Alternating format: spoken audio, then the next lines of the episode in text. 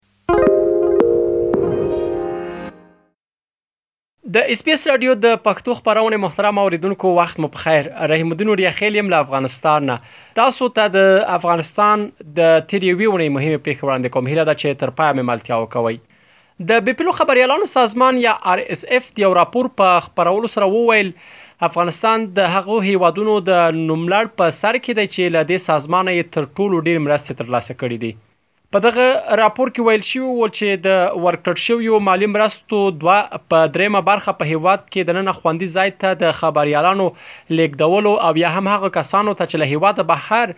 تېښتې ته اړ شوي رسیدلې دي آرسف ویلي وو چې ډیری خبريالان دې ته اړ شوي چې خپل دندې پریږدي او د افغانستان ګاونډي هیواد پاکستان ته پناه واخلي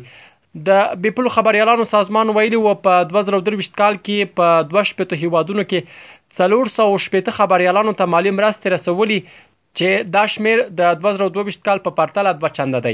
د یادونې ده چې تر دې مخکې هم د بيپلو خبريالانو ویلي و چې د 2022 کال په اگست میاشت کې په افغانستان کې د طالبانو له بیا واکمنۍ وروسته د مطبوعاتو ازادي لمنځه تللې او خبریالان په خپلسرې توګه نیول کېږي او رسنۍ تر فشار لاندې دي.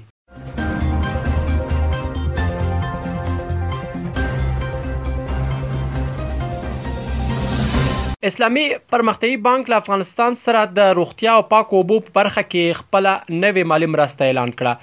د اسلامي بانک د دغه مرستې مجموعه چې شاوخوا 24.6 میلیونه ډالر خودل شوې د افغانستان په لری پرتو سیمو کې د میندو او نویو زیږیدلو ماشومانو د روغتیا او سلامتیا او همدارس د زده کړو سیستم د او همدارس د زده کړو سیستم د پیاوړتیا په برخه کې ولګول شي اسلامي بانک لیکلی وو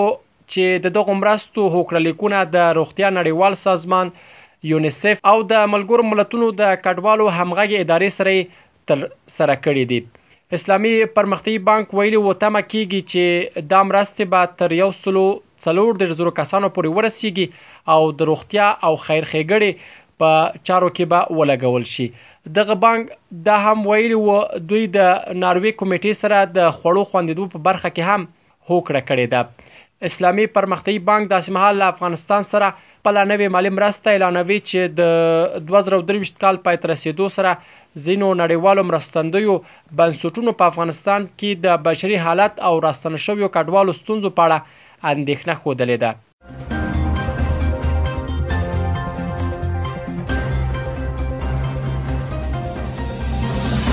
ترکیه کې د افغانستان د راتلونکي فکری فورم تر نامه لاندې غونډه کې د افغانستان په اړه خبرې وشوې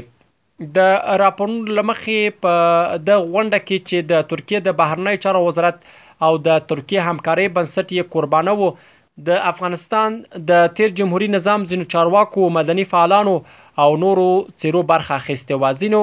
رسنیو راپور ورکړی و چې په دې غونډه کې د نورو موضوعاتو ترڅنګ د پرمختیا او کارموندنې پر موضوع بحث وشو. دغو رسنیو خبر ورکړی و، په دې غونډه کې د ترکیې د همکاریو بنسټمشر بولاند یلدریم خپله وینا کې وویل،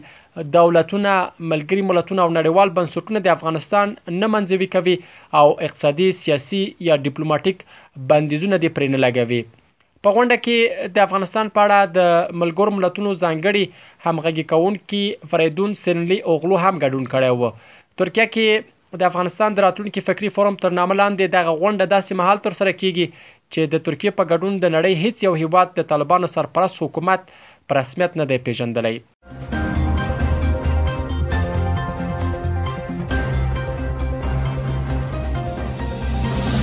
د دې اونۍ د پای موضوع هم دا چې د افغانستان کرکټ بورډ ویلي له هغه دریو افغان لوبغاړو سره لانجه بیرته حل کړي چې د مرکزی قرارداد نه لاسلیکولو لامل پرې بندیزونه لګولي وو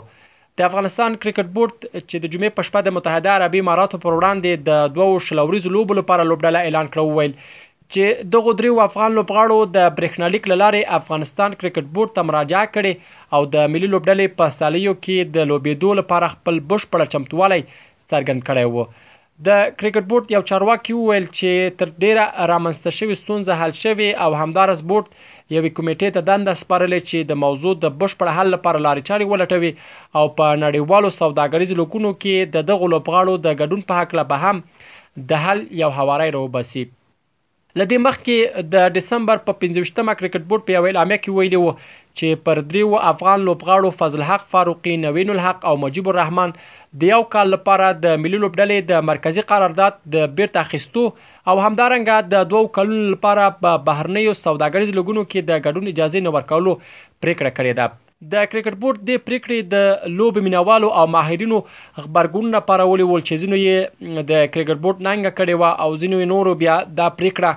عاجلانه وبلله خو په ټوله کې ټینګار کیده چې باید راپورته شوې ستونزه د خبرو له لارې حل شوې وای دا ول د افغانستان د تیر یوې اونۍ مهمې پیښې چې ما تاسو ته وړاندې کړې تر بیا ښې چارې